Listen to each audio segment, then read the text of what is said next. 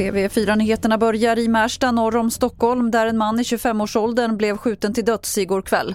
Polisen larmades till en parkeringsplats och där ska de ha hittat mannen med skottskador i bröstet. Ingen misstänkt är gripen. Fler än var sjätte läkare vågar inte framföra kritik till arbetsledningen. Det visar en ny undersökning från Sveriges läkarförbund.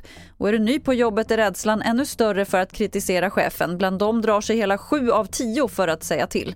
Sofia Rydgren Stale är ordförande i Sveriges läkarförbund. Det är ju arbetsgivarens ansvar att säkra att det är en god arbetsmiljö på arbetsplatsen och i det ingår ju att man har en kultur där man vågar framföra kritik. Det är viktigt både för arbetsmiljön men också för patientsäkerheten. Idag klockan 11 ska Moderaternas Ulf Kristersson träffa talmannen för att berätta om han lyckats få ihop en regering. Men ännu finns inga besked och förhandlingarna mellan de fyra partierna M, SD, KD och L pågick fortfarande en bit in på gårdagskvällen. Fler nyheter hittar du på tv4.se. Jag heter Lotta Wall.